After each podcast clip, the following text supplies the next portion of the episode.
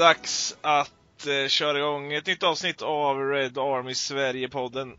Och ja, jag sitter här som vanligt. Eh, idag sippar till och med jag på en, en gyllene dryck, om vi ska kalla det så. Eh, och jag har med mig Adam och Mikael.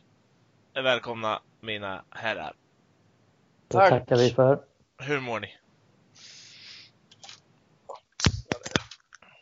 Helt okej okay, skulle jag säga. Mår tillräckligt bra för att bli överröstad av en, en öppning utav någonting. Jävlar, höll på att spilla. Nej, Trevligt lät det. Mm. Trevligt.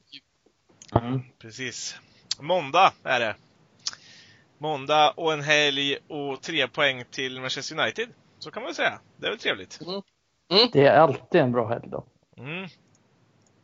Äh, ska man sitta och kolla, ska man sitta och kolla en match på, på lördag kväll, då vill man fan ha vinst. Det såg lite mörkt ut där, där ett tag, men. Ja. Vägen. Eh, jag eh, satt väl mer eller mindre och sa efter ungefär en och en halv minut in i matchen att eh, nu är han så gott som rökt. Den gode norrmannen. Eh, lite så kändes det. Bra jinx Jonas. Ja, det var det. Jag jinxade hela Newcastle.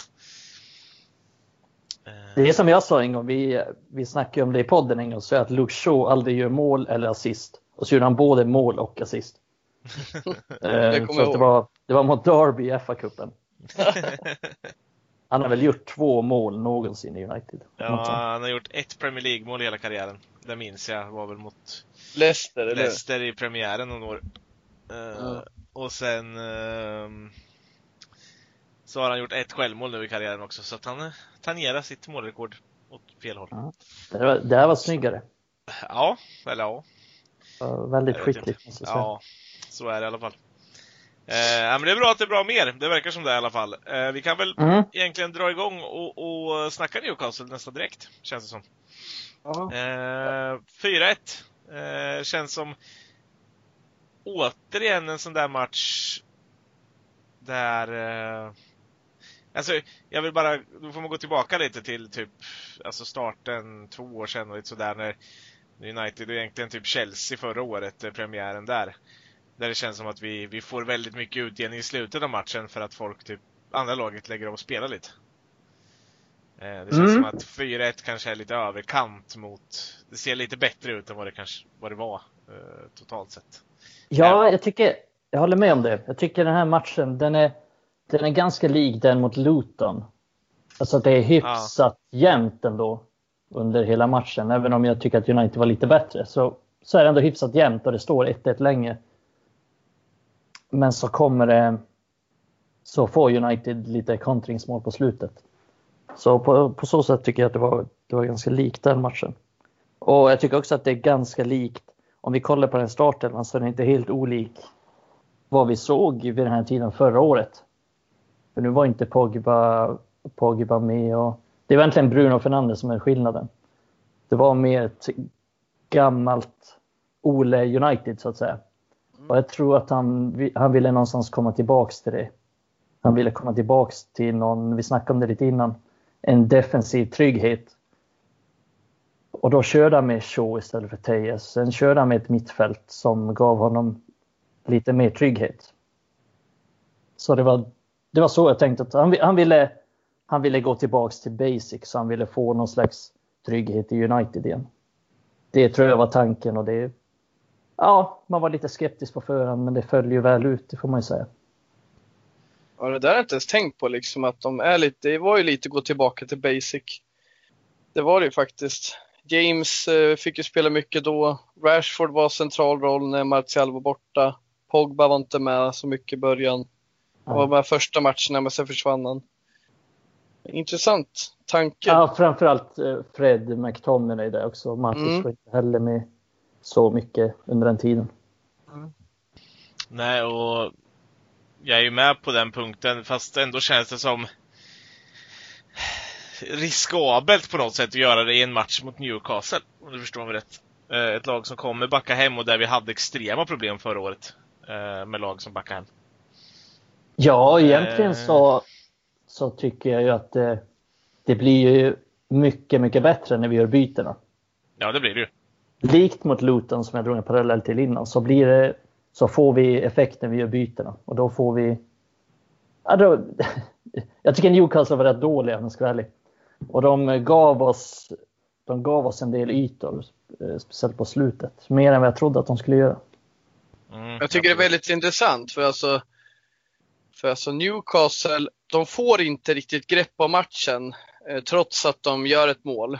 Och jag tycker det är lite naivt av Bruce att inte syna Uniteds drag när de byter in två spelare av högsta klass eh, med 15 minuter kvar.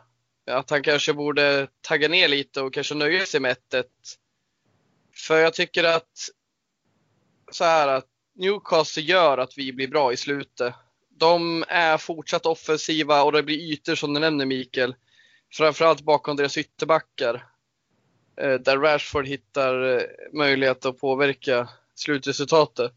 Och då kände jag liksom att, ja, vi, det här var inget nytt för mig. Det här är vad vi kan göra när lag öppnar upp sina ytor bakåt.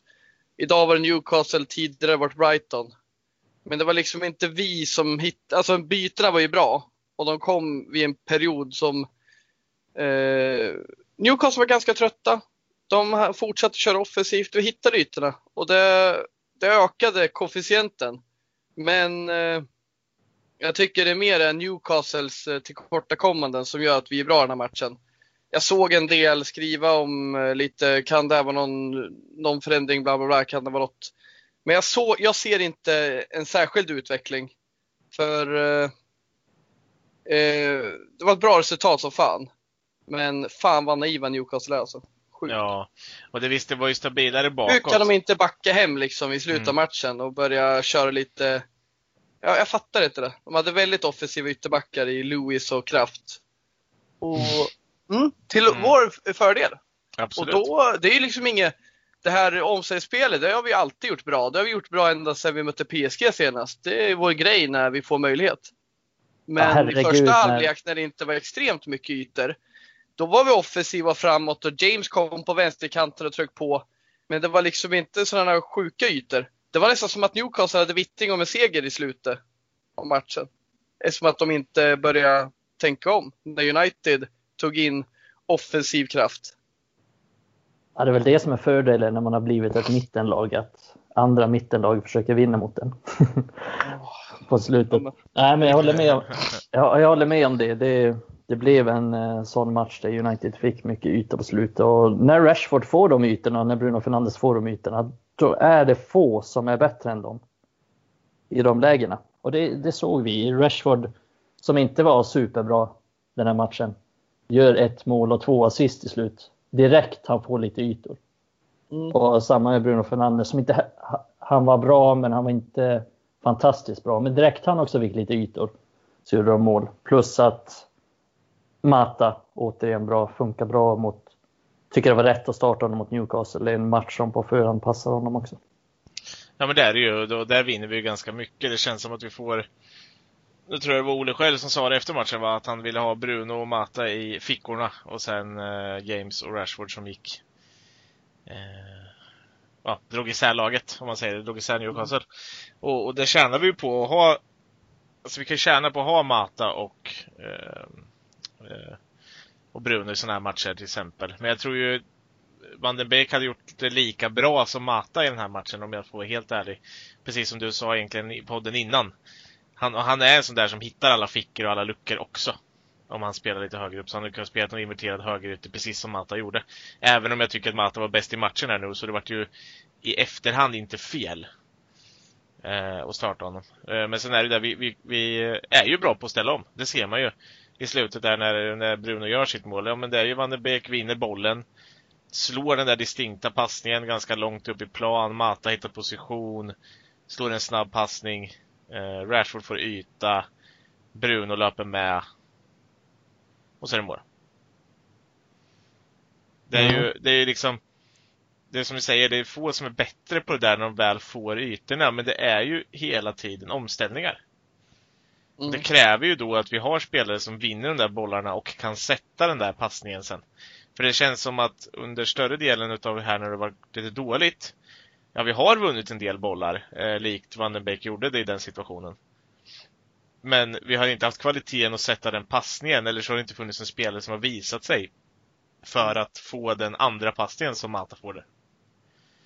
Eh, och det ser jag som har varit ett av de stora problemen, i alla fall när vi ska ställa om.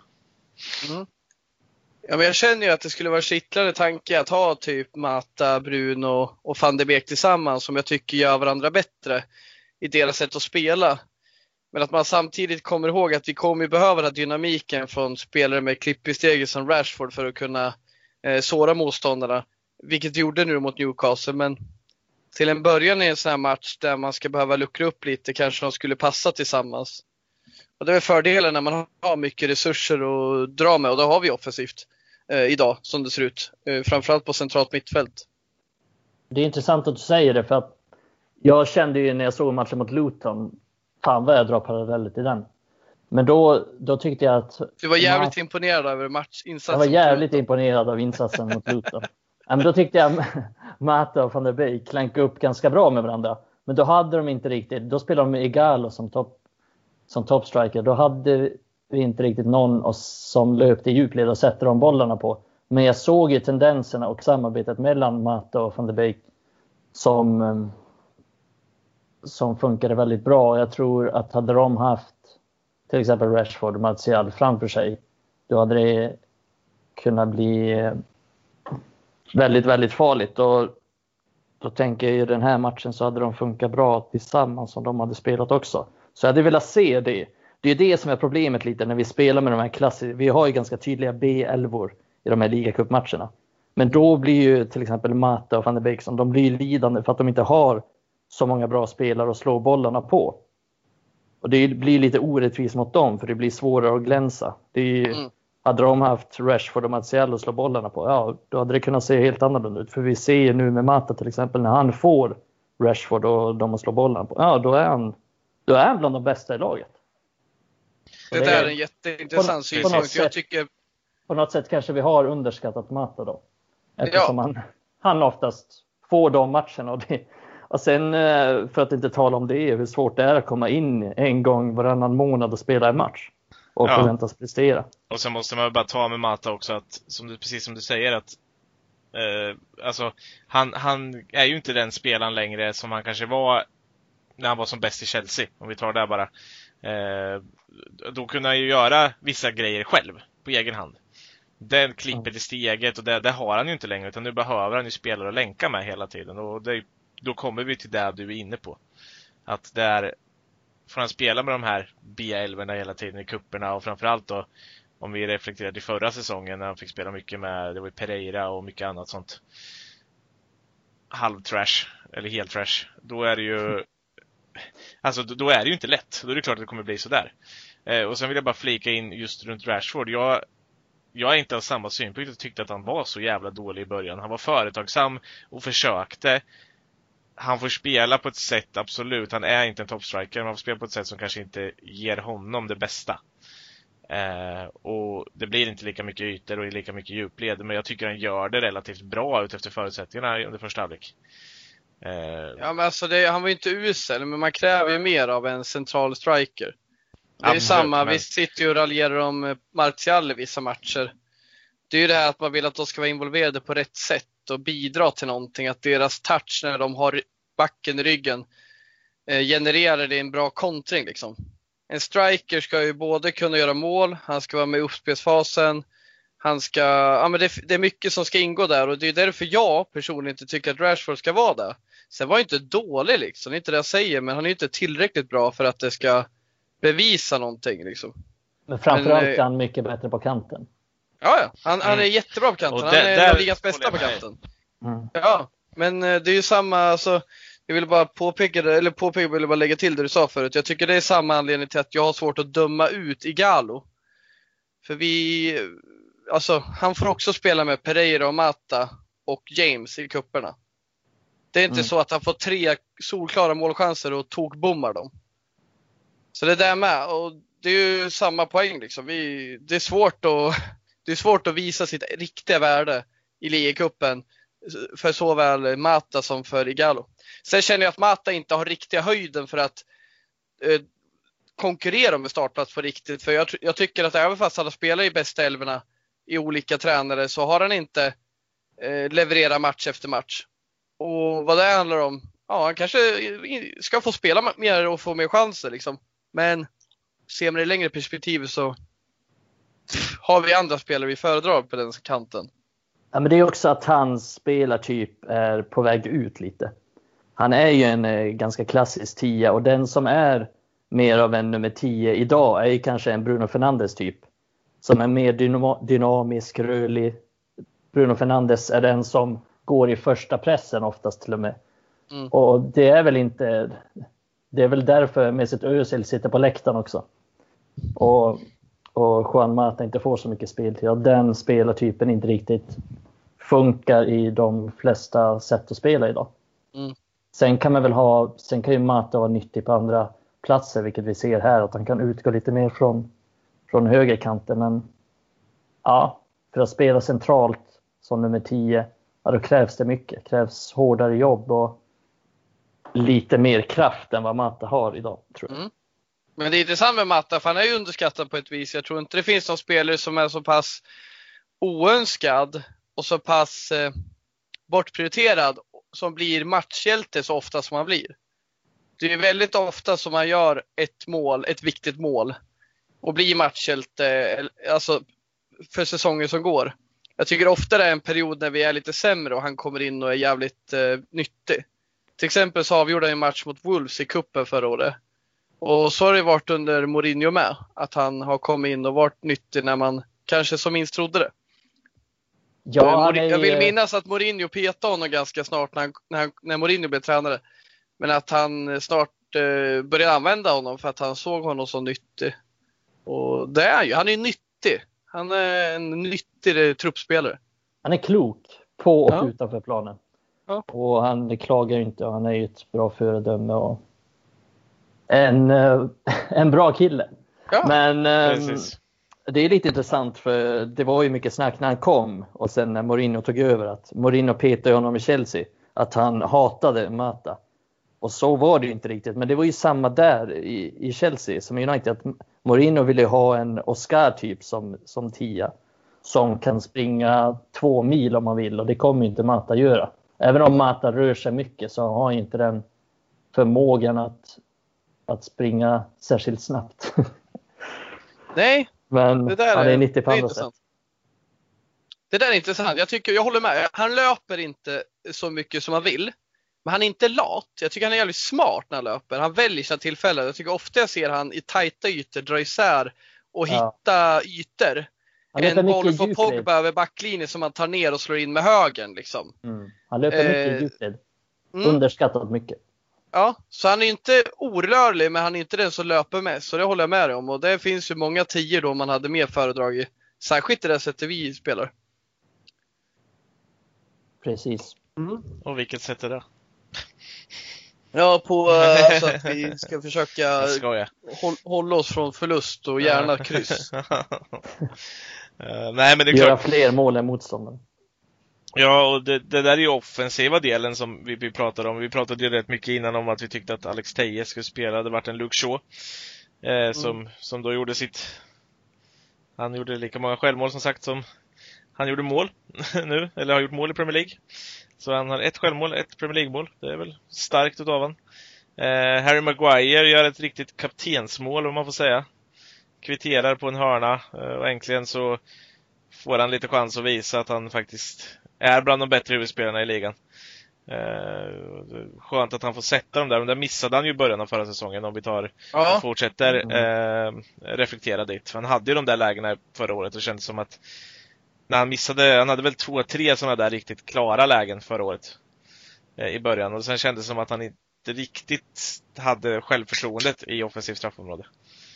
Men kommer ja. du ihåg i början där när hela vår jävla spelidé var att slå så långt bort ja. vi kunde straffområdet så han kunde nicka in den eller fan det var. Ballong i boll. Han bara stod där och vinkade i bortre straffområdet. Så kom det in en ballong i boll och så skulle han göra någonting annat. Nej ja. men det är, det är framförallt jävligt kul för honom för kritiken var inte nådig efter, efter landslagssamlingen nu när han gjorde bort sig mot Danmark. jävlar vad skit han fick. Så det var, det var kul för honom och bra, jävligt bra för United och bra för Ole att han kom in, var kapten och var stabil. Men framför allt kanske att han gjorde det i målet och visade att han ska spela och att han ska vara den ledaren. För det var, det var ledaregenskaper över det målet. Som vi inte riktigt har sett från honom innan. Men jag har haft lite på känn att han kommer, han kommer göra en del mål i år tror jag.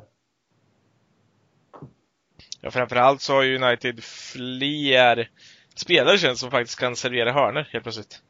Om vi mm. jämför med förra året när vi skickade ut folk som knappt fan fick in bollen i straffområdet. Luke Shaw slog ju första hörnan men sen ja. blev det så jävla dålig som Mata tog den och så gjorde Maguire mål. Ja. Ja, och eh, jag tycker Alex Telles ska bli intressant att se om han får testa lite från vänster. Mm. Eftersom att Mata säkerligen inte kommer starta så mycket så kommer det bli läge för det om vi nu vill ha in och skruvade hörnor eller vad vi vill. För jag tycker att Brunos hörnor, ja de är okej, okay, men det är inget liksom, det är inget speciellt. Det, det kan bli bättre. Jag tycker vi, det såg jävligt bra ut i början, men där vill jag se mer från Bruno. Det är också det här nyhetens behag. Det var bättre ja. än det vi hade innan. Alltså så. Verkligen, och, och det är bra. Det är mm. bra. Han har bra hörnor, men jag kräver mer. Och Absolut. Telles kanske inte ens är bättre. Men jag vet att han tog mycket hörner och frisparkar under tiden i Porto. Eh, ja. Så jag kan, inte, jag kan inte stå för dem liksom. Men, men jag tror du håller med. Man trodde väldigt mycket om Brunos eh, fasta situationer när han kom. Men det är en jinx i United. Alla har bra hörnor direkt när de kommer till klubben. Men efter ett tag så sjunker alla till samma nivå ändå. Till slut så står Phil Jones där och tar hörnor. Ja. Det är så sjukt att jag tänker på Phil Jones nu också. Det är sjukt. Är Jag ser framför mig hur han står med båda händerna upp i luften, ja. redo att slå en hörna. det är det sjukaste beslutet jag någonsin har sett på en fotbollsplan. Ja, att, saknar fan själen då. Att de andra tio ändå går med på det här. Att de ens tar sig in i straffområdet. det är ingen idé att gå. Ja, men så här, om vi bara backar då till Bruno där. Jag tycker ju hans tillslag och allt han har passar bättre för de här inläggsfrisparkarna som kommer lite högre uppifrån. För att han, han gör ju mer av ett skott utav det och det är sådär hotande som slänger han iväg dem mot bortre stolpen så är det sånt som lika gärna kan gå in. Mm. Eh, så att hans fast situationer därifrån ser bättre ut än hans hörnor gör. Men det är väl lite som, som han är med allt annat, tycker jag. Han är ju lite hit and miss han ökar svårighetsgraden med sina passningar. Och det är väl samma med Hörner. Han, han försöker göra det lite för svårt, tänker jag.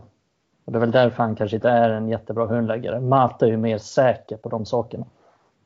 Mer eh, kanske stabil och jämn i sin nivå på hörnor och frisparkar. Mm. Mm. Men det är också där, då, då, får man ju det man får med Bruno är ju att han i den här matchen till exempel, han får ett bortdömt mål, en missad straff och sen gör han eh, ett världsklassmål. Ja men det är för att han är lite hit miss som du säger. Ja, men sen någonstans där så kämpar han sig ändå fram till att han gör det där målet. Mm. mm. Lite som jag sa med Maguire innan, att han visade att han också är en ledare där. Mm. Tycker jag. Han tar det bra, att han tar straffmissen och så gör han, så gör han ändå ett mål, det avgörande målet. Ja, det var hans första. Och han är, han är allt, som, allt som oftast helt avgörande. Ja. I de flesta matcherna han spelar. Men det var väl... Även om han missar eller så. så. Ja, precis. Men det var väl hans första miss för, eh, var det hans första miss i karriären? Jag läste något om det, det var någon som skrev att det var. Um, det tror jag inte, men i United i alla fall. Ja, United vet jag, men det var någonstans det stod att han inte hade missat från 11 meter. Varför hoppfintar han inte? Ja, det är en bra fråga. Jag ska fråga honom, jag ska ringa honom sen efter podden. Men... ja, men jag tänkte, jag visste ju att du skulle göra det. Uh, jag tänker också kul är att det just är en riktig chipskeeper som Carl Darlow som tar den straffen. Mm. Det brukar vara så. Ja. Eh, det känns lite roligt. Du kan inte säga något annat än att det är inte Premier League-klass på den målvakten i alla fall. Newcastle har i övrigt en bra målvakt när de har sin bästa keeper, men Carl Dalo är ju inte... Ingen kvalitet på hans ljumskar heller. Nej, ingen högsta klass. Eh, måste väl ändå innan vi släpper Newcastle också bara nämna eh, Fambisakas mål. mål ja. ja Jävlar vad chockad jag blev när han ja. Men, men Alltså tekniken på det där skottet är ju inte bra. Alltså bollen håller ju på att åka iväg och så får han den längst ut på foten. Fast det blir stenhårt. Och det är då de blir snygga. Mm. Till och med Bruno pikade honom på Twitter efteråt. Jag trodde inte att du kunde skjuta eller någonting sånt. Ja, just det. Men det är lite som eh, John O'Sheas mål borta mot Arsenal för hundra år sedan. När han, när han får en passning av Scholes och så chippar han över målvakten. Han fattar Mm. ingenting när han gör mål. Han vet inte ens hur han ska fira. Han, han bara står där. Det är helt underbart, det målet. Ja, det är fan ett av mina favoritmål i United någonsin. Ja, samma John. O'Sheas, that is. Hela matchen och sen den kröningen liksom. Åh Ja. herregud.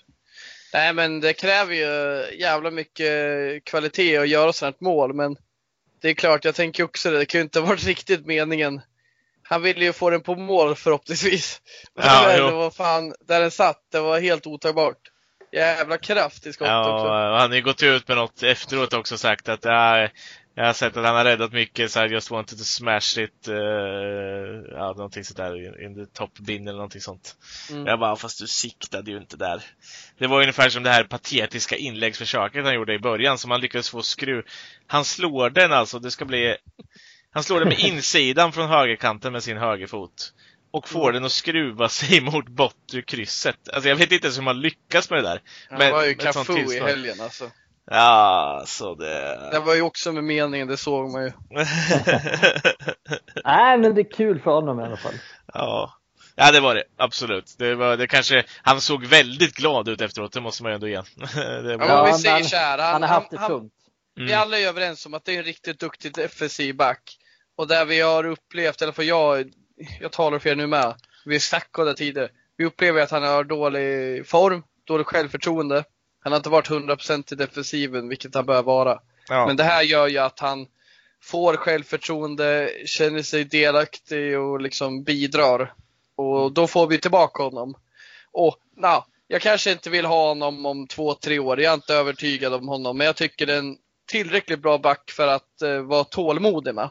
Vilket jag Mm. inte är med kanske Pereira eller Fosumensa eller vad fan det är. Eller. Dalot menar jag. Dalot eller Fosumensa som försvarare. Men just Ja. att, fan kan han bli 100% då, då tycker jag det är bra. Sen kommer jag sitta och lacka över att han är klumpig och så vidare.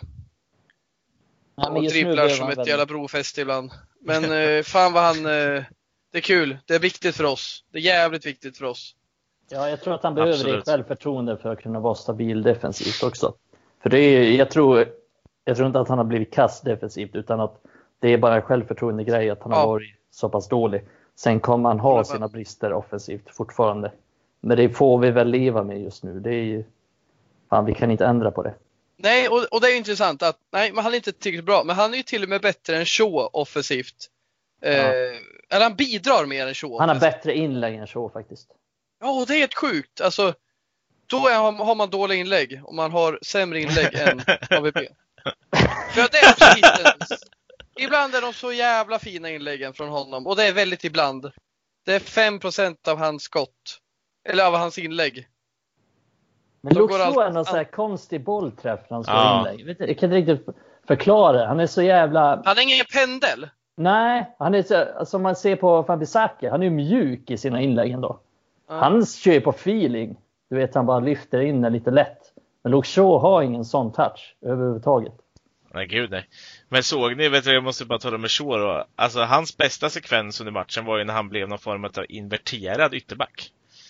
Mm. När han, Ja, men lite som han var i slutet av förra säsongen. Ja, men när han springer Han tar bollen egentligen från sin ytterposition och så springer han igenom hela laget bort mot höger straffområdeskant.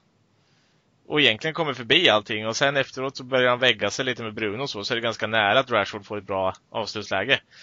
Men det är ju egentligen första gången under matchen han faktiskt bidrar med något speciellt. Ja, jag håller med. Jag, jag noterar också det.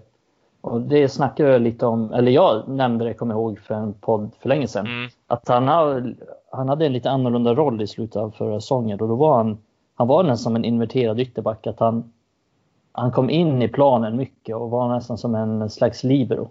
Och täckte upp och ställde upp lite här och där och det är han ju bra på. Han är inte bra som en traditionell modern ytterback nu. Att komma fram och slå inlägg och göra mål och assist, det är han inte. Det har tagit några år för honom att våga gå tillbaka till det. jag upplevde han som en ganska bra inverterad ytterback innan han blev, eh, eh, fick sitt benbrott i den här Champions League-matchen. Eh, han var inte klockren, men jag tyckte det var då han imponerade när han kom in liksom mellan eller högerback och mittback hos försvararna. Motståndarnas försvarare och trycks igenom och kanske vägga sig fram.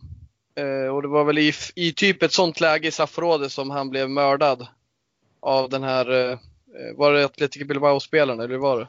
Nej, PSV, PSV, Hector Moreno. Ja, just det. Hector Moreno var det. Så var det. Just. Mm. Nej, fan, det var intressant diskussion. Det är intressant att han kan göra det där, men samtidigt, man känner ju det. Jag tycker inte Shaw liksom, vi var väl överens där, att han var väl inte riktigt, han var väl en av dem som inte kom upp i nivå. Men att eh, vi, man, man, känner ju att han var, han känner ju pressen från Telles. Jag tycker han försökte vara mer offensiv nu än han var tidigare. Och det är nog att han känner flås i nacken. Jag tyckte till och med han försökte slå mer inlägg än han brukar göra i den här matchen. Mm. Absolut. Så är det nog. Han var ju, försökte nog vara mer företagsam och eh, som sagt inte konstigt att han var där, eller försökte. Men eh, det blev inte superbra. Nej. Kan vi lätt säga. Och den diskussionen kan vi ta med oss över egentligen eh, alldeles strax. Eh, vi ska ju, mm, det är en match imorgon. Eh, Champions League drar igång. Eh, och, eh, ja, kul! Äntligen lite Champions League för United, får vi se hur vi tar oss an det. Eh, men först tar vi bara ett litet, litet, litet break.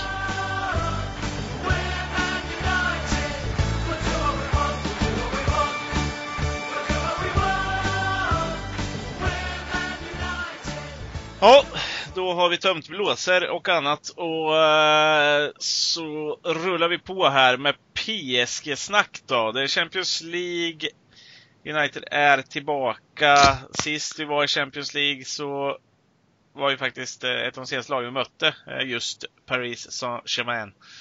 Eh, om man nu uttalar exakt så vet jag inte, men eh, någonting liknande i alla fall. Eh, och eh, nu är det dags igen! Eh, PSG borta, den där magiska natten i Paris. Chans att upprepa den. En mycket rättvis seger. Ja, precis. Har väl aldrig knappt sett en mer rättvis seger, tror jag inte. United dominerar från start till, slut och PSG hade lite tur och gjorde ett, ett tröstmål.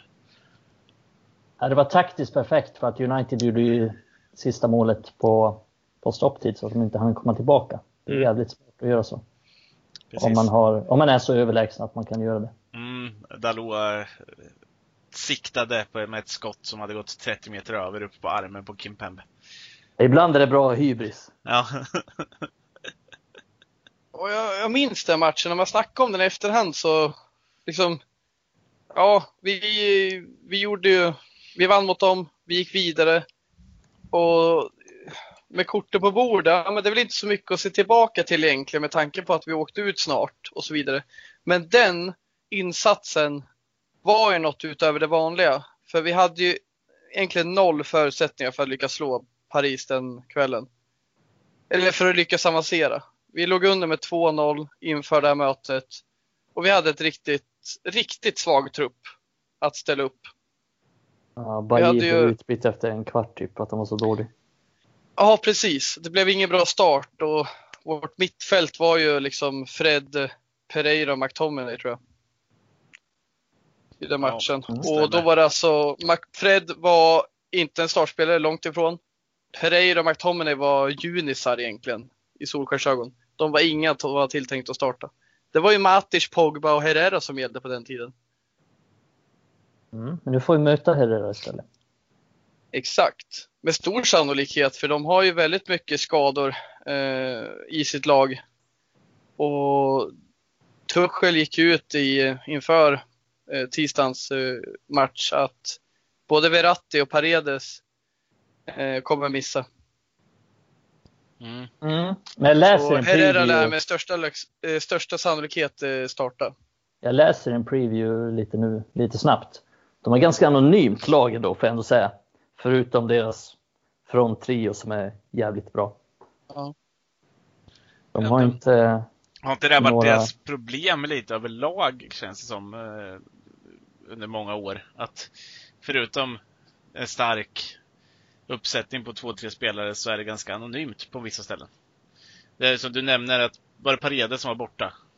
Ja. Ja, det är fortfarande en ganska anonym spelare. Ja, och liksom de har ju haft eh, Choupo-Moting på bänken förra Mm. året. Men han är i Bayern München nu, så att han har ju gått till ett bättre lag. Jo, han har ju, han har ju bra förutsättningar när det Hans kommer till agent den alltså. som det är- förhandlar åt honom. Det Är är duktig. ett geni. Ja. Nej, och det är ju liksom så här Jesse Rodriguez på bänken, så absolut, jag håller med Jonas. Och så har det sett ut länge eh, för dem. Men de har Mm. jävligt hög nivå på de som brukar starta. Och Silva, Thiago Silva spelar ju i Chelsea numera och har de någon skada på en av mittbackarna, då blir det lite tunt liksom. Och nu har jag inte koll på exakt status i inspelande stund, men Marquinhos var i alla fall eh, osäker och Kehrer kommer nog inte vara med. Så det är ju egentligen bara Kim Pembe som är eh, den riktigt bra mittbacken. Ja. Ja, det är bra för att jag tänker att om vi kommer in lite mer på matchen United, PSG mot United, då tänker jag att United kommer få en del ytor på om, i omställningar. Det är så jag misstänker att matchen kommer se ut. Ja. Och då är det ju såklart bra om de saknar sina, sina viktiga mittbackar och försvarsspelare överlag. Så man får väl hoppas på det. Ja, gud ja. Eh, och det har de ju haft eh, lite tunt med på den sidan. Alltså så, eh, ytterbackarna har ju inte varit de bästa. Eh, sista åren var som när vi mötte PSG där, den liksom, senast vi var där. Ja, men då var ju Kierer en form av högerback. Eh, vilket han kanske inte alls har de speciella kvaliteter för. Eh, och där är det lite så det fortsatt för PSG, känns det som. Om man, om man tittar eh, bara så. Och, och Kursava är ju Kursawa. Det, det är väl, om ni säger att, vi, att, att våra ytterbackar skjuter high and low så är även han ännu värre. Mm. Eh, så, alltså, så att det, det, det finns ju väldiga, tänker jag, för typ Rashford, Martial, sådana spelare att faktiskt hota det här laget eh, om de får komma mot backlinjen just. Ja. Och gärna lite omställningar med lite ytor bakom. Ja, och Kursawa är borta och Bernat sedan länge liksom. Mm. Så det, det finns eh, verkligen, det är ju perfekt läge att möta dem. Men Neymar är med. Ja, han eh, vilades i ligamatchen eh, senast då. När de spelade. Rott, Rottan Di Maria med. Nej, han eh, inte koll på exakta detaljer, men han är tydligen avstängd både i eh, kuppspel och i ligaspel av någon slags, eh, inte koll, jag ska bara säga, men det är någon slags domstol som har avgjort det. Så han har väl eh, gjort bort sig igen. Ja, det brukar han ju göra. Han har rätt många matcher att avtjäna, så han kommer inte vara med. Däremot så ser det väl ut som att han kan vara med nästa gång vi möter dem. När nu det är. Men United har aldrig mött Neymar va? Så det blir väl nytt. Nej, Han var inte med i tror jag någon att han var inte då. med där nej. Mm. Precis. Nej. Det blir Eh, intressant. Ja, ja, precis. Så det känns Med ju- tanke på våra mittbacksavbräck. Så det blir ju Phil Jones mot Neymar. Ja, men precis. Jag tänker, vi, vi pratade om att PSG är mycket borta. Det känns som United helt plötsligt lite eh, orapporterat då, får man väl säga, har Mm. en del, hel del borta. Eh, om vi bara tittar på mittbacksalternativen som är med egentligen, så är det eh, Timothy Fosu Mensah, Axel Tuansebe och Victor Lindelöf som är renodlade mittbackar. Ja, det är intressant. Både Bailly och Maguire borta alltså. Jag vet inte vad Bailly har för någonting, men han är ju ofta skadad så man kanske Ja. vara så förvånad. Men satt inte han på bänken nu eller? Sist mot Newcastle? Gjorde han inte det? Bay. Ja, det vet jag inte. Jag kommer inte jag bara tänkte för det är lite konstigt eh, att han, om han gjorde det, vad har hänt med honom då som gör att han inte är med här? Ja, det är Bajy som sagt. Ja, det Ja, Han har väl hängt i någon taklampa någonstans och skadat sig. Han är ju väldigt yvig. Han, eh, och skadedrabbad. Jo, han, Han kan ju titta på en fotboll och, och skada sig. Det är svårt att säga. Mm. Ja, men Maguire var ju osäker redan inför Newcastle. Och, men han kom ju till spel, men jag tyckte mig se en sekvens under matchen när han tog sig mot baksida lår. Ja, det gjorde han. Så jag misstänker väl att, han, att det är någonting med det då. För annars hade han såklart åkt med. Och det är lite problematiskt. För helt plötsligt ha, från att ha liksom så här tio mittbackar så har vi inga alls. För Rojo är inte med i Champions League-truppen heller. Och, så då blir det ju, det är tur att Ton Sebe är tillbaka från skada. Även om jag inte tror att Tuansebe kommer gå in direkt. För han har inte spelat sen, vad sa vi senast, december. Mm. Och Fosse Mens har inte spelat mittback i United eh, sen var det, säsongen 15-16 tror jag. Nej, han spelar mot uh, i träningsmatchen. Inför... Ja, men en tävlingsmatch. Ja, det kanske. Men han spelar ändå. Ja, ja, men det räknas fan inte. Men eh, så det, ja, det, då undrar man ju vad det blir, för det är bara Lindelöf som är renodlad mittback då egentligen, som är i, ska man säga, speldugligt skick. Men jag misstänker väl ändå att det blir någon slags trebackslinje i den här matchen. Jag kan inte se något annat. Vem ska gå in i en rak fyrbackslinje med eh, Lindelöf nu? Jag kan inte riktigt se det, så jag tror att det kommer bli Luke Shaw som går in och sen tror jag att McTominay faktiskt kommer spela oh. i trebackslinjen. Han spelar ju där för Skottland. Eh, både mot Tjeckien och Slovakien tror jag och höll nollan i båda matcherna. Eh, så han har spelat där en hel del ändå. Även om det är över två, två år sedan han gjorde det senast i United, då mot West Ham. Förlorade med 3-1 under Mourinho. Va? Det, vill minnas att han, var, att han var väldigt dålig i den matchen, men han verkar hitta någon slags roll där till, till höger i trebackslinjen, vilket skulle passa ganska bra för Shaw tar väl till vänster och sen Lindelöf i mitten. Men frågan är väl om Lindelöf kan styra upp den backlinjen om man har de ledaregenskaperna att kunna Ja, det känns ju rörigt relativt, alltså. Ja, en relativt orutinerad backlinje. Jag litar inte på honom i den organisationsgrejen, speciellt inte mot PSG kanske. Men det är väl det bästa vi har. Det känns ju lite förskoleklassvarning på det här styret. Eh, det är ju som du säger, Lindelöf styr ju inte mycket. Och då ska han styra upp en McTominay som inte är mittback kanske i grunden och Luke Shaw som vi såg eh, mot Tottenham om inte annat eh, och gjorde inte sin bästa match med Newcastle heller. Men också springa runt som en yrhörna. Eh, det, det luktar ju inte bra alltså. Inte när vi ska in Mbappé och Neymar i den där ekvationen också. Ja, nej men alltså det, nej, det finns fan ingen, kanske ingen optimal backlinje vi mönstrar nu. Jag hade fan glömt bort den där. Jag visste att det var någonting jag tänkte på med McTominay i trebackslinjen, men det är den där West Ham-matchen när han var väldigt ung fortfarande. Mm. Eh, ja, det var ändå över två år sedan. Mm. Nej, och det där är svårt för det är ingen av de här, om vi skulle köra två mittbackar, det är ingen konstellation som vi är jättetrygga med heller. Jag känner ju att skulle vi köra tre backar så skulle ju inte det kräva en hundraprocentig förståelse för rollen. Det är en av spelarna som skulle kunna vara lite, förstå mig rätt nu, oförstående. Men eh, ja, skulle vi ha Shaw och Lindelöf i en trebackslinje och McTominay, då är ändå Shaw fortfarande lite orutinerad, även fast jag tycker han är bra som i trebackslinje. Men det förutsätter ju också att eh, han har en stark ledare bredvid sig tror jag. Som ja, styr är, lite. Exakt, han har varit bra när han har haft, när det har varit Maguire och Lindelöf och Shaw. Då hade ja. jag inte känt mig särskilt otrygg med den, back, med, nej, gud, nej. med den backlinjen. Men nu är det en, som sak, en för mycket som saknas, tycker jag.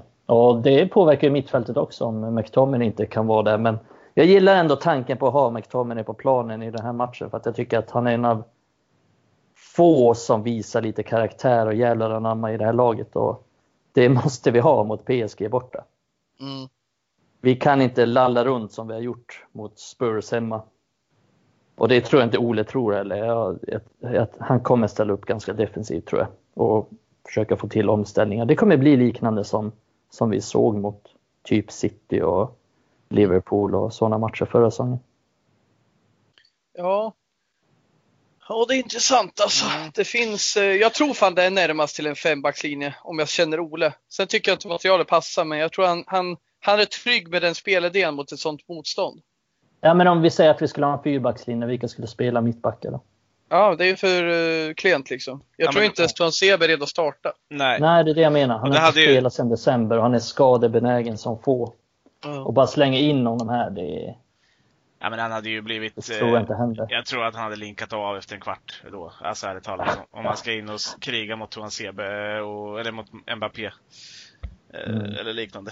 Det känns... Ja, det är risky och vi kan ja. ju inte starta Fosse Mensa som mittback och Nej, Luxor har aldrig lite... spelat in är lite rädd för aldrig det. Alltså. spela i en fyrbackslinje någonsin som mittback. Inte i United i alla fall. Nej. Knappast i SA-15 heller. Det enda jag kan se så här med den här fembackslinjen som ni pratar om, det är ju att han nu faktiskt har Tejes som ett väldigt bra wingback-alternativ. Ja. Eh, som även ger honom en, en liksom offensiv styrka eh, på wingbacken. Eller på en av, en av kanterna i alla fall. Eh, och, det där skulle ju vara bra. Men jag är ju lite rädd att det skulle kunna sluta med någon form av fyrbackslinje med Fosumensa där inne. Alltså. Det, det, är- ja, svårt att se. Ja, men det... Han, det, det som du har sagt det Adam i någon podd här nu att det, det känns som att han gillar Fosumensa på något jävla vänster. Ja, men det gör han ju. Och det, Men det sen tror är jag inte han vill ha honom som mittback. Jag tror han vill ha honom som högerback. Så, men ja, jag håller med dig, han gillar honom. Men han, vill, han, han, han har ju inte kört honom som mittback fast det kanske är den rollen han ska ha. Som Ja. fotbollsspelare. Inte United, men som fotbollsspelare är han ju en mittback. Ja, gud ja. Eh, Han är oduglig som högerback, tycker jag. Ja, han ger ju ingenting som högerback egentligen. Eh, Så att det är ju det är klart att en mittback, jag, jag tycker det är lite ko, tragikomiska i allt det här, det är ju att helt plötsligt så sitter vi med den viktigaste spelaren på plan, om vi skulle säga att det blir en fembackslinje. Och det som du sa nu, Mikael, och då räknar jag med Tejes och Wan-Bissaka på varsin kant. Mm. Mm. Eh, då har alltså helt plötsligt Victor Lindelöf gått och blivit vår viktigaste spelare på plan. Ja. Det är, För att det är han, är han, han är den centrala punkten som brukar spela som helt plötsligt ska styra vårt lag. Och Ja, där, han är, han är egentligen den enda mittbacken som vi kan räkna med ja, i den här matchen. Och vilket är ironiskt som jag sa tidigare med tanke på att vi haft så jävla många mittbackar. Och fortfarande har också men mm. Men samtidigt så är det precis som du har sagt tidigare. Han tjänar på att han aldrig är borta. mm. Det är hans största styrka. Han är aldrig, han är aldrig skadad. Men det är... Jag hade annars varit ganska positiv till den här matchen för att jag tror att den kommer passa oss jävligt bra om vi får till försvarsspelet så kommer vi kunna skada dem i omställningen. Men nu är jag inte lika trygg i, i det här försvarsspelet men ja, vem vet. Mm. Ja men så kan det ju vara. Och hur, vi, vi måste väl ändå ta en grej till med, eh, om vi backar undan från försvarsspelet och tittar lite framåt i plan så har vi en Mason Greenwood som wasn't fit enough för att spela mot Newcastle och nu inte är med i, i truppen mot PSG heller. Eh, lite oklarheter som rör där samtidigt som Edison Cavani som mer eller mindre hade som en av anledningarna att han skrev på för Manchester United att han fick spela mot PSG. Inte heller med i truppen. Nej, och Greenwood, det vi går på det är att bilderna som har tagits från resan är att han är ju inte med i den spelargruppen som reste då. Och saker har hänt förr som har gjort den förvånad. Men allt tyder på att han inte ska vara med och det är ju ganska troligt det är som att då, eh, han var ju inte med mot Newcastle, det är väl något där som spökar. Eh, det, ja, Mm. det känns ju som en spelare jag kan leva med att Eh, Två spelare jag kan leva med att de inte är med mot eh, PSG. Jag, jag ser Cavani andra... har ju knappt tränat med laget. Han tränar en... Ja, men precis. en Jag ser andra möjligheter. Jag ser är ändå- Rashford och Martial på topp om det är så, om vi spelar fembackslinje. Då är inte Och Pelistri jag- med. Ja, Ja, det är precis. han. Han är med i den här bruttotruppen, så Mm. det är ju, han kan potentiellt vara med på bänken då. Förmodligen. Mm. Eh, Jag kan vara med från start med, men det är ju en procents chans. Och ja, jag tror till och med fan med att han skulle kunna starta med James den här matchen. Jag tycker inte det är rätt, men det är en match. Om då, vi får backa hem och vi får ytor så kan han ju hota. Men jag vill inte starta honom. Jag, jag tror fan jag skulle kunna. Jag, så här, jag vill bara komma till. Det var ju typ två timmar sedan vi fick reda på vilka som reste till Paris. Jag kan fundera på elvan. Men jag tror jag skulle kunna köpa en fembackslinje för det passar matchbilden. Eh, och då skulle vi kunna köra, då behöver vi inte ha tre längst upp. Vi kan räcka med Rashford och Martial. Och sen en tia bakom då. I en typ 5-2-1-2. Ja. Ja, men det är det, det jag också vill ha. Jag vill, inte- jag vill fan inte ens ha 4-2-3 i den här matchen. Jag vill ha en fembackslinje i den här matchen. För att jag tror att det kommer passa oss bäst. Och får vi Rashford och Martial som jag är ganska säker på att de kommer starta. Och får vi Bruno bakom då kommer vi vi kommer få, vi kommer få chanser att, att skada dem och jag hoppas och tror faktiskt på att vi kommer göra det. Fan, jag känner mig oroväckande positiv för den här matchen. Det är, jag, jag, jag, det är oroväckande mer, Jag är nästan mer positiv inför den här än vad jag var inför Newcastle. Eller hur? Jag är ja, det är samma här. Och för mig handlar det om att PSG har så mycket skador att vi kan, vi kan konkurrera med dem nu. Jag tycker inte vi kan konkurrera riktigt när de är, har bäst lag. Eh, med tanke på hur vi inlett den här säsongen. Nej, men också att, att, det, det kommer, att det passar det här United-laget och Oles bygge så mm. pass bra också. Att det är ju Oles styrka, det har vi snackat om tidigare. Att han, ja. Hans lag är bra i omställningen och vi är inte bra när vi, vi har svårt att bryta ner lag ofta. Mm, och då har vi varit som bäst när vi har fått möjligheten att ställa om. Därför mm. har vi vunnit många av de här topp 6 matcherna. Eh, men även Europamatcher. Men jag tycker en nyckel här, en spelare som jag verkligen sätter först på i startelvan, förutom Lindelöf då, för, för Lindelöf, eh, eh, med tanke på att ja, han är den enda bra mittbacken vi har nu. Och det ser bra, för Axel Tuansebe har inte spelat på ett år. Det går liksom inte att räkna med han bara något bra, även fast han har potential att vara bra. Men Fred är given för mig i matchen. Fred är alltid bra när vi får ligga och läsa spelet och hugga och sätta igång omställningsspel. Jag tycker mm. McTominay också är bra där och skulle egentligen kunna tänka honom på centralt mittfält. Men eh, då har jag nog, jag har nog fan Pogba där. Och det handlar om att eh, när vi trycker ner så här lågt så är jag okej okay med att ha Pogba på centralt mittfält när vi kan eh, slå längre bollar. Vi har en spelare då som kan slå de här längre bollarna. Men samtidigt, jag blir inte ledsen om det är Matic och Fred. Det kanske är det bästa. Men eh, Pogba, han har ju den kvaliteten som gör att vi snabbt kan starta igång ett eh, kontringsspel. Redan från vi vinner bollen på lågt ner i planhalvan. En annan Men... sak som kan tala för Pogba det är ju att hela världen kommer se på den här matchen. Och han kommer spela i Frankrike. Och han kommer vara extremt taggad för den här matchen. Och det är han ju inte riktigt. Han kan ju spela mot Newcastle hemma och lunka runt och halvjogga lite. Men här tror jag fan att han har, sen plus att han har någonting att bevisa också. Han blev ju uppenbart bänkad i förra matchen. Mm. Men eh, angående Matic så tror jag jag fick lite känslan av att han vilades i den matchen. För att kunna mm. spela här. För jag tror inte att mm. Matic är en spelare som pallar spela lördag och sen, sen tisdag. Dessutom sent lördag kväll.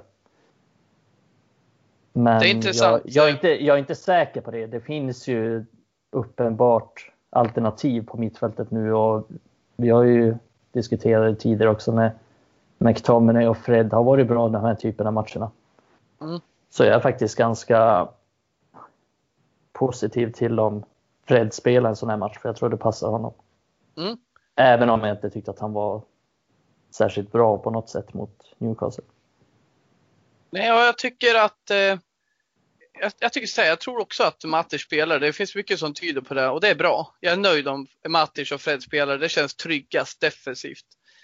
Det jag ser med Pogba det är att jag vill liksom inte ha honom på centralt mittfält för det gör ju inte honom till den bästa spelaren han kan vara.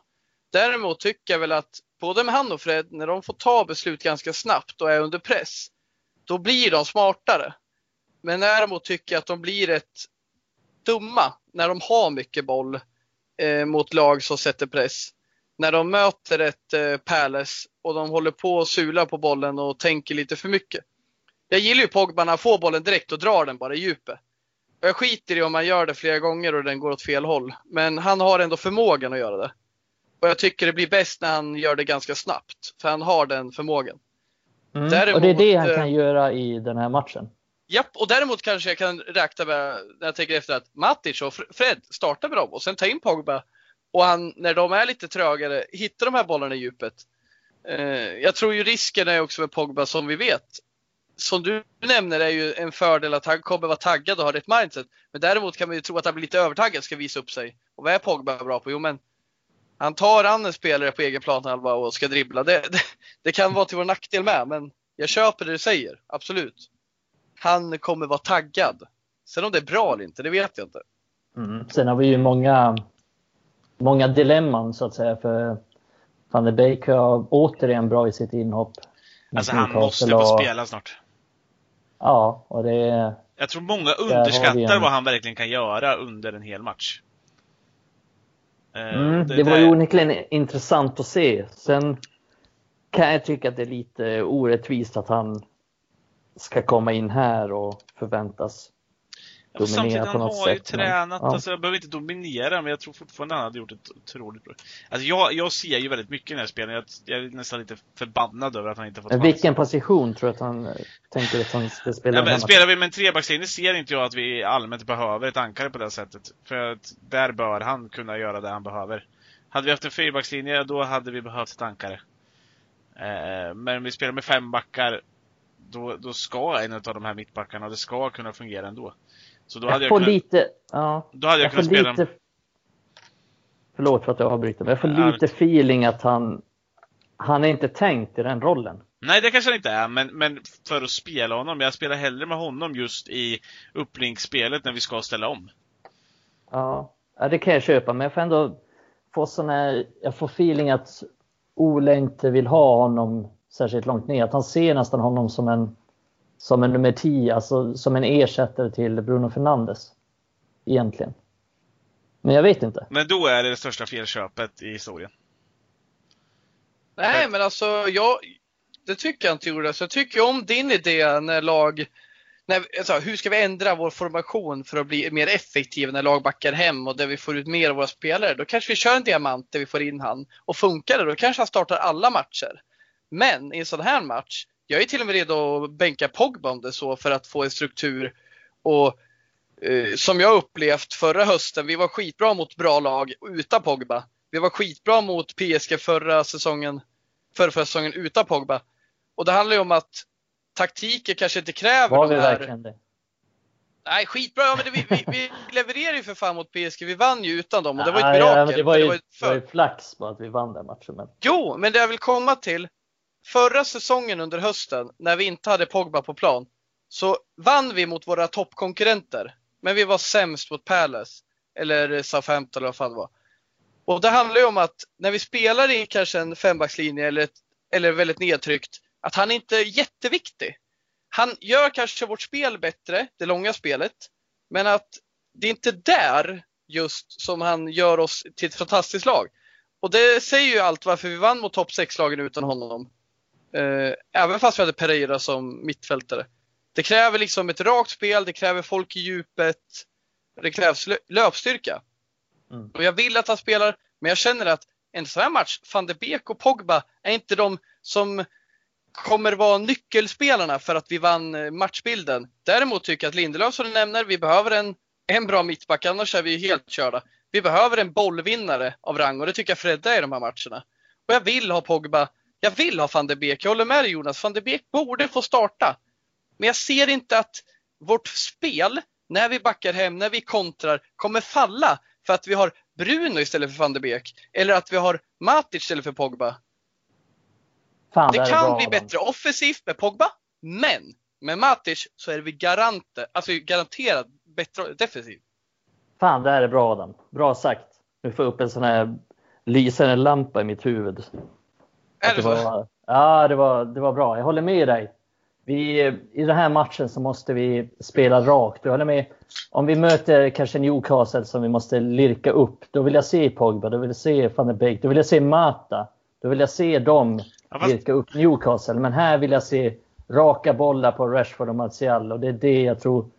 Det kommer vinna matchen åt oss, om något. Jag tror inte, vi kan inte spela deras spel och vinna mot PSG. Det tror jag inte. Vi, kan inte. vi kommer inte kunna dominera matchen, ha bollinnehav. Vi kommer inte kunna spela trianglar utanför deras straffområde mot ett samlat PSG-försvar. Vi har inte den kvaliteten tror jag. Nej, och men... Då kommer vi förlora på, om vi spelar på deras villkor. Alltså jag är så här, jag förstår det. Jag vill helst inte se Pogba. Men det, det jag menar är att folk, jag tror inte man ser, alltså att man har sett för lite av Van der Beek. För att han är en duktig spelare i det raka spelet också. Och han är betydligt mycket bättre än Pogba i det här spelet. Han är betydligt mycket bättre spelare när man behöver göra det här jobbet. Så Jonas, att... då måste du förklara vem det är som ska kliva åt sidan istället för van de Beek. För ja, men då är det ju Pogba i så fall. Hade Bruno alltså... varit skadad, ja, då, hade jag hell... då hade jag haft van de Beek gärna i hans roll. Nej, men, men jag vill inte peta men... Bruno. Ja, men Bruno vill inte jag heller peta. Men i det här fallet, i den här matchen, när vi ska spela, när vi vet om ungefär hur det ser ut. Helst i den här matchen så ställer jag upp både Pogba och van de Beek framför eh, den här backlinjen. För att vi kommer behöva ställa om snabbt. Jag skulle, då hade jag petat, än om jag hade petat om vi vill ha mer säkerhet bakåt. Då är det Pogba. För van de Beek... Nej, jag, Men vem ska svepa upp bollarna framför backlinjen? Alltså de här två är väldigt offensivt inriktade och tillsammans så luktar det kaos för mig. Ja fast van de Beek är... kan ju spela i båda situationerna. Pogba kan ju inte det uppenbarligen. Van de Beek har gjort det i landslaget, spelat där bak. Han har spelat i Ajax flera gånger. Men det är ändå skillnad att göra det i Ajax och i landslaget och göra det borta mot Fast han har ju gjort det i, men han har gjort det i Champions League och gått till semifinal med det. Alltså. Mm, men jag, jag ställer ja, mig ändå tveksam ja, men... till det. Och jag tänker säga också, vi möter ett PSG som lever på sina offensiva mittfältare. De, de lever på att Neymar dribblar på mittfältet. Och då vill jag ändå ha Fred till exempel där som är på honom som en igel. Jag vill ha Matic stabilitet. Mm. Jag ser bara inte, uh, alltså jag jag. Jag litar inte på att Pogba och van de Beek kommer kunna, om Neymar kommer dribblandes mot dem, då luktar det kaos för mig. I nuläget tvivlar jag ännu mindre på Matic. Matic har sett ut som en kona än så länge, han är inte i form. Och jag tror inte han är mer i form efter att ha vilat i helgen. Så där för mig är en risk. Fred förstår jag, men jag förstår inte valet av Matic i den här matchen. Han, han Nej, bara, jag, köper, jag köper ju att du vill ha in van de Beek, men jag ser inte honom som en central mittfältare. Framförallt inte, eller jo, i vissa matchbilder och med vissa compadres bredvid sig. Eh, men med Pogba bredvid sig, så liksom, vi snackat om att Pogba behöver en stadig spelare bredvid sig. Menar du att van de Beek är tillräckligt stadig för att rätta upp när Pogba... Nej men det är det där jag säger, då skulle jag slänga ut någon utav dem så slänger jag ut Pogba i den här matchen. Mm. Jag förstår mm. vad ni säger när ni vill se Pogba. Och det jag tyckte jag... du sa att du ville ha van de Beek och Pogba. ja, men jag sa jag, jag skulle kunna se det när vi väl spelar med fem backar. Det är det jag säger. Alltså, sen om det passar i den här matchen, nej kanske inte. Mm. Men i den här matchen så hade jag slängt ut Pogba. Om jag hade slängt ut någon. För van de Beek hade passat så mycket bättre in i den här matchbilden. Och det är om vi vill ha med ett resultat. Sen så tror jag att Pogba kommer spela. Och jag tror också att Matic kommer spela. Jag tror inte vi kommer få se Fred heller. För att jag tror Nej. att ni är rätt i att man vilar Matic. Men jag tror att det kan bli ett fall. För när Neymar kommer in mot en otränad Matic så kommer inte Matic ha en suck att säga till om. Och det här är ju intressant, för jag, det, jag köper ju att de här defensivt svagare spelarna är inte lika eh, stora risker Eh, med en fembacklinje bakom sig. Och det är därför jag säger att ja, jag tycker inte Pogba ska vara central mittfältare, men i en sån här match med en fembackslinje skulle det kunna gå bra. Men däremot så tycker jag det att anledningen mot bättre motstånd när vi haft en fembackslinje att vi är stabila. Eh, och eh, det är ju det är för att vi haft Fred McTominay på centralt mittfält, eller Fred eh, Matic då. Och jag tycker att eh, Porsche första matchen. Det tror inte jag hade gjort, den konstellationen tror inte jag hade gett resultat i längden. Eh, däremot Matic och Fred och Fred McTominay var nycklarna förra säsongen. Framförallt Fred, helt fantastisk i sådana här matcher. Men jag håller med Jonas, vi måste få in Van de Beek, men vi har olika tankar där om hur han ska kunna funka. Det, det blir tufft liksom. Men vad fan, klart jag vill ha in honom. Och så kan man ju kanske, man kanske förstår Oles eh, svårigheter också. Samtidigt som i den här matchen så hade man Ja, man hade kunnat gjort det på väldigt många olika sätt när man spelar en fembackslinje. För att få in fler spelare, alltså så här som man vill ha in. Eh, de här spelarna, om man tittar både Bruno och van den Beek, är ju spelare som, som kan löpa mycket. Både upp och ner. Om, om man tittar så. Eh, Pogba har väl inte riktigt det i sig. Alltså så här, antingen så är han lite där nere eller så är han där uppe. Det här stenhårda jobbet har han ju inte i sig, det ser man ju, det ser man ju överallt. Men Nej, det, det, det, är klart att det, det, men det är ju fortfarande ett angenämt problem för Ole som jag tycker att han ska kunna lösa. På ett eller annat sätt. Är man tränare för de här typen av spelare, man har den här truppen som ändå har så pass bra in i mitt fält så måste man kunna lösa det på något sätt. Och annars så ser jag inte varför vi la så mycket pengar på van der Beek. Ja, det håller jag med om och det har du helt rätt i. Nu har vi alternativ och då ställs ju hans då ställer vi ännu större krav på hans tak taktiska flexibilitet. Mm. För nu måste han ju få ut maximalt. Det är ju det Ferguson var så bra på. Mm. Om vi jämför med honom.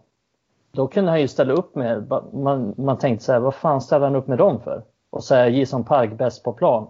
Även om man inte ville att Park skulle spela. Och det är ju lite det man vill ha ut av Ole nu. Att han ska hitta den konstellationen som funkar i just den här matchen. Och han har ju många alternativ nu. Och det är det vi sitter och diskuterar också. Han har många bra alternativ.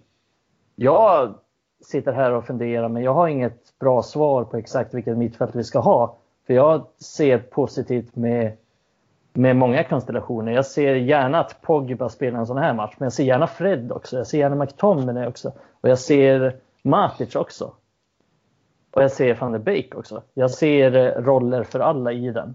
Och det är det vi måste kunna kräva av Ole nu, att han får, att han får rätt uppställning och, och att det verkligen funkar också. Absolut.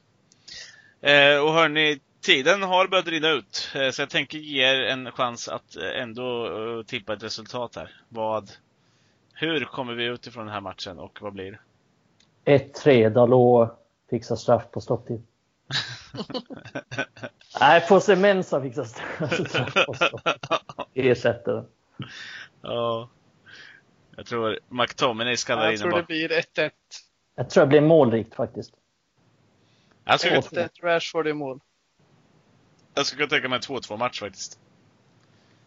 United. Ja, då säger jag 3-2 till United.